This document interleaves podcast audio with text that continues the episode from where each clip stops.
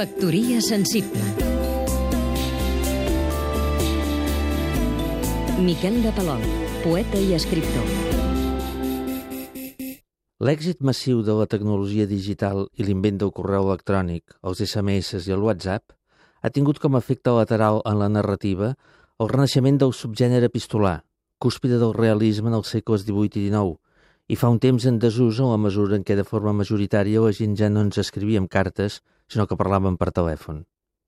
Així, Marc Romera acaba de publicar Les relacions virtuoses, remake del clàssic de Laclos, Les liaisons dangereuses, amb dos importants elements d'ajornamento. A més del tecnològic, el que suposa el canvi de costums, d'estil de vida i de manera de relacionar-se i expressar-se de finals del 18 a començaments del 21. El contrast comença en el títol. Un Romera juga amb els sentits contigus virtual-virtuós i potser també amb l'equívoc etimològic, ja que el mot es relaciona no només amb el valor en un sentit moral, sinó també amb la virilitat.